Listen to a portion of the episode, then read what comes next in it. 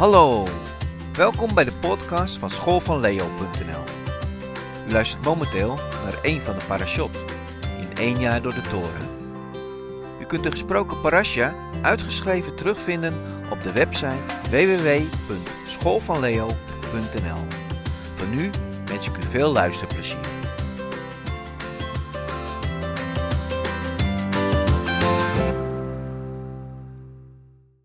Deze week worden twee parashot behandeld.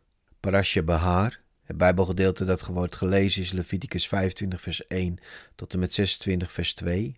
En Parasha Bechukotai, het Bijbelgedeelte dat gelezen wordt is Leviticus 26 vers 3 tot en met Leviticus 27 vers 34. Parasha Bahar begint met de wetten over de Shabbatjaar en jubeljaar. Elk zevende jaar moest het volk Israël het land braak laten liggen en mocht er niet gezaaid en geoogst worden. Ook het land verdiende een rustperiode. Net zoals de Israëlieten na zes dagen werken de zevende dag met hun werkzaamheden moesten stoppen. Na zeven keer zeven jaar, dat in totaal 49 jaar is, werden de Israëlieten gevraagd om op de vijftigste jaar een jubeljaar te houden. Daarbij moesten zij het jaar heiligen en de vrijheid in het land afkondigen voor al de bewoners.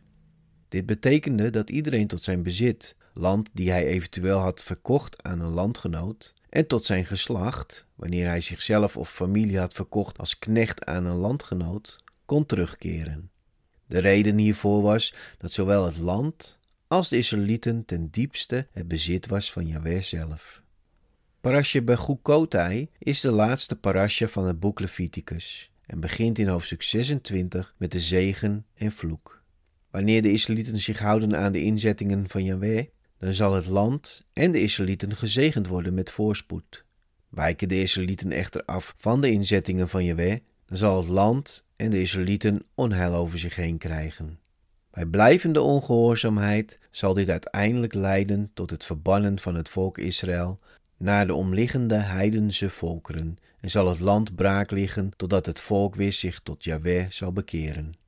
De parasha eindigt in Leviticus 27 met de voorschriften wat een Israëliet kan of moet doen wanneer hij een vrijwillige gelofte heeft afgelegd tegenover God. Deze twee parashot, de voorschriften voor Shabbatjaar en jubeljaar en de zegen en vloek, lijken weinig met elkaar gemeen te hebben, maar het tegendeel is echter waar. Wanneer het volk Israël de geboden niet onderhoudt, dan krijgt het volk allerlei vervloekingen over zich heen. En hoe langer ze blijven volharden, des te groter de gevolgen van de vervloekingen. Wanneer je echter de vervloekingen leest, dan zou je ze ook kunnen lezen als een profetie, die daadwerkelijk is uitgekomen. In 722 voor Christus was het tienstammenrijk Israël al veroverd en verwoest door Assyrië. En in 586 voor Christus werd het tweestammenrijk Juda en Benjamin met de grond gelijk gemaakt door Babylonië. En daarmee werd het land Israël een woestenij en de steden een puinhoop, zoals Leviticus 26, vers 31 tot 32 al voorzegd had.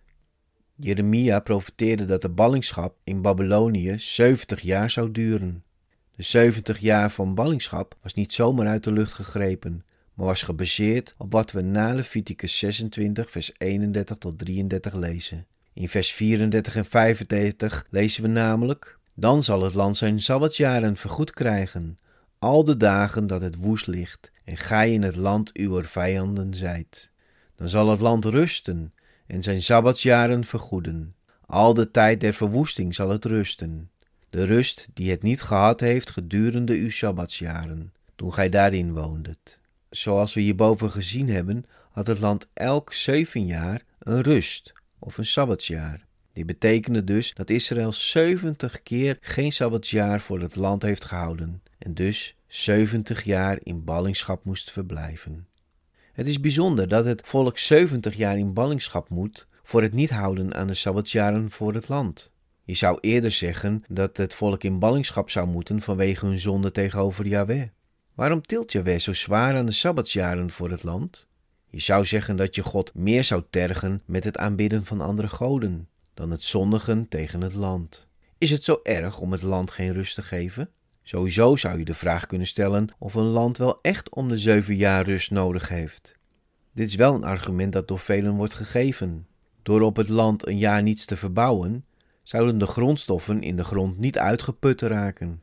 Ik zeg niet dat dit niet waar zou zijn. Ik heb er ten diepste geen verstand van. De vraag is echter of dit ook de echte reden was van de sabbatsjaren. Ik zelf denk namelijk van niet. Mijn inziens ligt er een geestelijk argument ten grondslag en niet een agrarische. Ten eerste gaat het niet zozeer om het land rust te geven. Het Hebreeuwse woord Shabbat heeft meer de betekenis van stoppen, ophouden of onderbreken van werkzaamheden in zich. Het land kan je niet laten stoppen of ophouden. Ten tweede geeft God aan dat op het Sabbatjaar de opbrengst die het land desondanks geeft niet mag worden geoogst. Dus in hoeverre krijgt het land dan echt rust, ook al wordt het niet bewerkt? Het houden van de Sabbatsjaren was dus niet zozeer voor het land zelf, maar voor de landbewerkers, de grondbezitters. Met het houden van de Shabbatsjaar werd de grondbezitter stilgezet.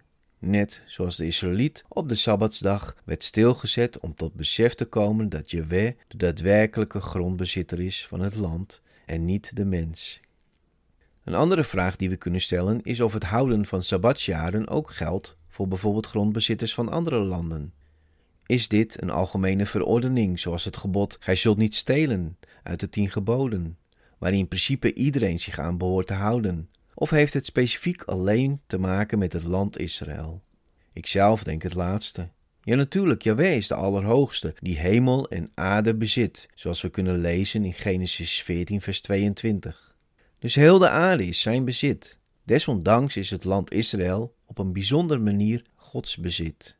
En dan met name de stad Jeruzalem, waar Yahweh heeft besloten om daar zijn naam te laten wonen.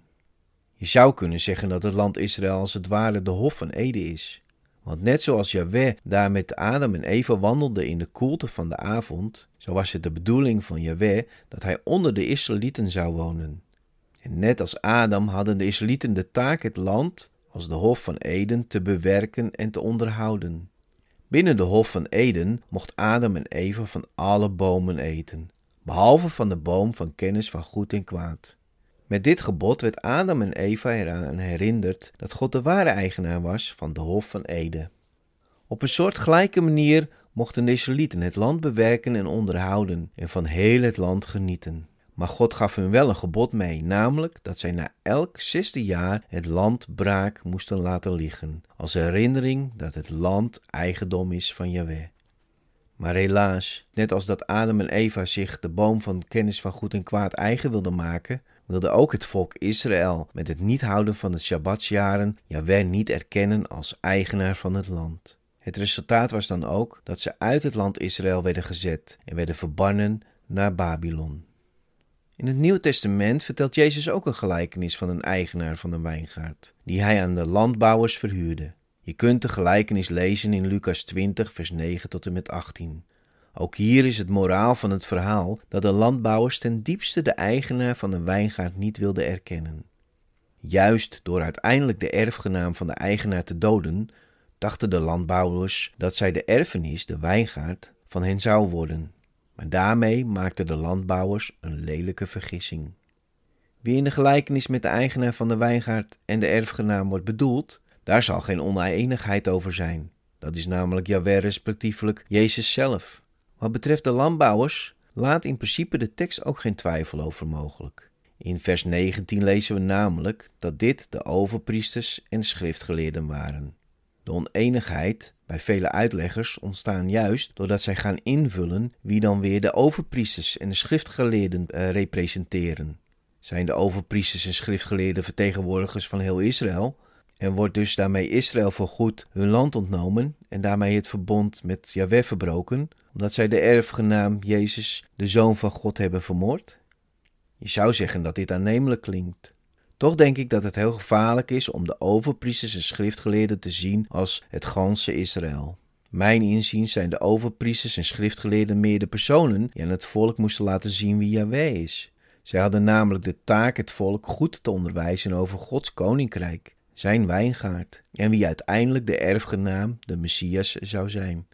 De overpriesters en schriftgeleerden wilden het echter zelf voor het zeggen hebben in Gods koninkrijk. En zij dachten dit te kunnen bereiken door de erfgenaam Jezus te vermoorden. Het koninkrijk van God, de wijngaard, is uiteindelijk aan anderen gegeven, Maar daarbij is het wel belangrijk in te zien dat het koninkrijk van God nog steeds binnen het volk van Israël is overgedragen. Namelijk aan de discipelen van Jezus, die allen 100% Joods waren. Dus laten we de grote fout niet maken dat het koninkrijk van God is overgegaan op de heidenen. Laten we niet de fout maken door te denken dat wij christenen nu bezitters zijn van het koninkrijk van God los van Gods volk. Ja, natuurlijk, wij mogen als heidenen uit de volkeren nu delen in Gods koninkrijk, in zijn wijngaard. Maar zijn wijngaard, het koninkrijk van God, is niet enkel een geestelijk koninkrijk, maar ook een natuurlijk koninkrijk, waarbij het land Israël nog steeds centraal staat. Niet voor niets vroegen de discipelen aan Jezus voor zijn hemelvaart, of hij, Jezus, in deze tijd voor Israël het koninkrijk van God weer zou herstellen. Want Jezus is en blijft de koning van de Joden voor eeuwig, die zal regeren vanuit Israël, vanuit de stad van David, Jeruzalem. Nu is het aan jou de vraag: wie erken jij als eigenaar van Gods koninkrijk? Nee, niet alleen geestelijk, maar ook natuurlijk. Erken jij dat Jahweh nog steeds de grondbezitter, de eigenaar is van het land Israël?